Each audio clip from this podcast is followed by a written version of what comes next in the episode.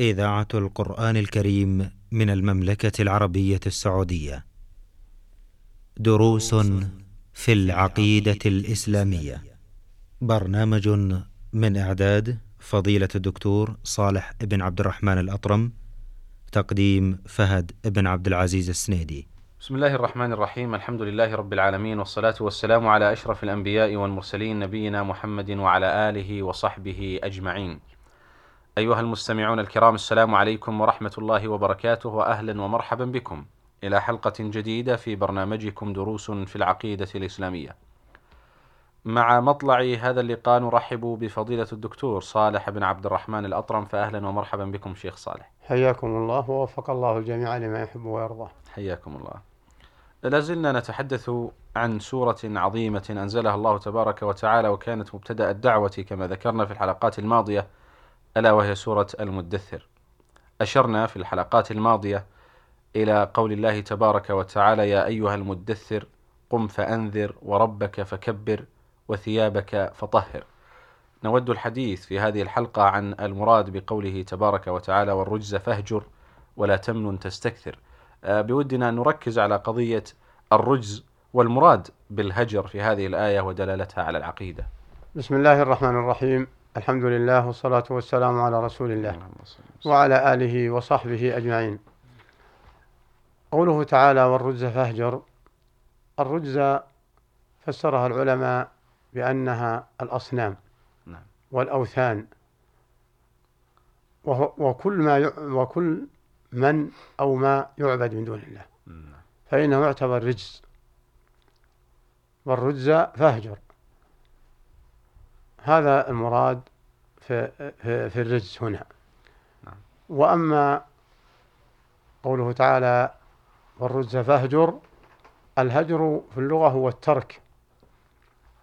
والمراد هنا الأمر المؤكد بترك عبادة الأصنام وترك عبادة الأوثان. اهجرها ولا تقربها وإن كان عليه الصلاة والسلام لم يعبد صنما قط لا قبل النبوة قبل النبوة طبعا وما بعد النبوة فهو بلا شك نعم. ولكن هذا الأمر له من باب التأكيد على أمته نعم. فهو أمر له ولأمته وقد يؤمر عليه الصلاة والسلام بما لم يفعله ليكون أمرا لأمته لأن فهجر مراد به الترك والبعد عن هذا الرجز التي هي الأوثان نعم. التي هي الأصنام الأصنام التي لا تخفى على أي قارئ في التاريخ معاملة آه، كفار قريش وغيرها من من الكفار للأصنام نعم.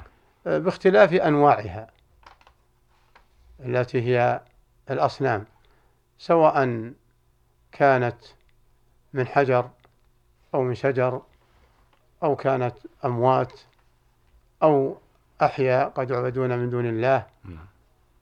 فال فال فال فالأمر هنا أمر قاطع بتركها والتوجه إلى توحيد الله سبحانه وتعالى فلهذا يقولون يقول المفسرون هذه الآيات جمعت آه، جمعتها لا إله إلا الله.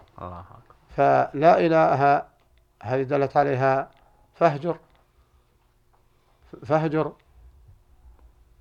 وقوله وقم فأنذر أيضا دلت عليها وربك فكبر دلت على إلا الله وثيابك آه، فطهر دلت على القيام بحق لا إله إلا الله وتنزيه الرب جل جلاله عن الشرك ووسائله. نعم. والرز فاهجر هذه جمعت جميع, جميع المعاني التي تقدمت. نعم. والرجز آه، فاهجر. نعم. إذا كأني ألمس إشارة مهمة نعم. في الحديث حول هذا الموضوع إلى التركيز في نبوته صلى الله عليه وسلم أو في بدايات نبوته على العقيدة على التوحيد. نعم. هذا يجرنا إلى الحديث عن مكثه صلى الله عليه وسلم عشر سنين وهو يدعو إلى التوحيد. نعم. ويؤكد على هذه القضية. ويلتمس هذه النذارة التي أمره الله سبحانه وتعالى بها. هذا الموضوع أرى أنه مهم جدا ولا بد أن نتحدث عنه في آه، هذا الدرس من دروس العقيدة. نعم. آه، أخذ على هذا عشر سنين. نعم. يدعو إلى توحيد الله. وذلك أن من اعترف بلا إله إلا الله نطقا واعتقادا فإنه سيعمل جميع ما يطلب منه من سائر الأوامر. وسيترك جميع المنهيات. نعم. ولأنه هو الذي خلق الجن والإنس من أجله. كما قال تعالى وما خلقت الجن والإنس إلا ليعبدون. ولأن بعث الرسل كله لتقرير عبادة الله وحده والنهي عن عبادة الطواغيت والأصنام. ولقد بعثنا في كل أمة رسولا أن اعبدوا الله واجتنبوا الطاغوت. وقوله تعالى بعد أن يذكر رسالة كل نبي ما لكم من إله غيره وإلى عاد أخاهم هودا قال يا قوم اعبدوا الله ما لكم من إله غيره. ولقد أرسلنا نوحا إلى قومه أن أنذر قومك من قبل أن يأتهم عذاب أليم.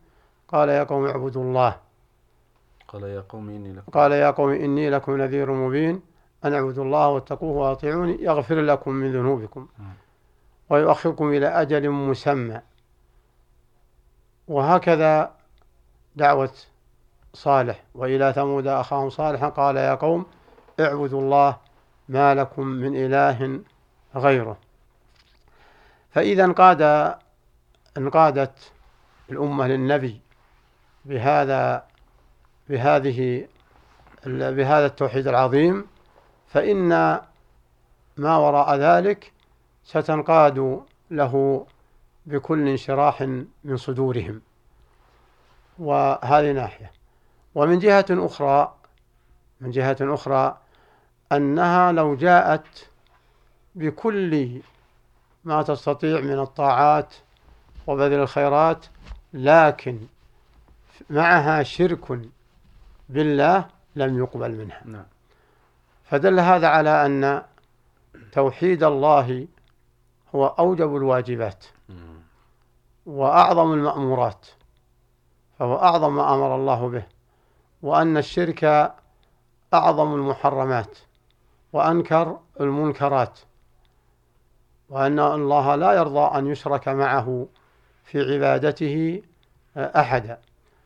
ومن لم يترك الشرك بالله وصرف شيئا من عبادة الله لغير الله فإنه لن يقبل منه أي عمل موافق لشرع محمد عليه الصلاة والسلام إذا مات على صرف العبادة لغير الله سواء كل عبادته يعني صرف لغير الله قلبه وقالبه أو أنه صرف بعض العبادة.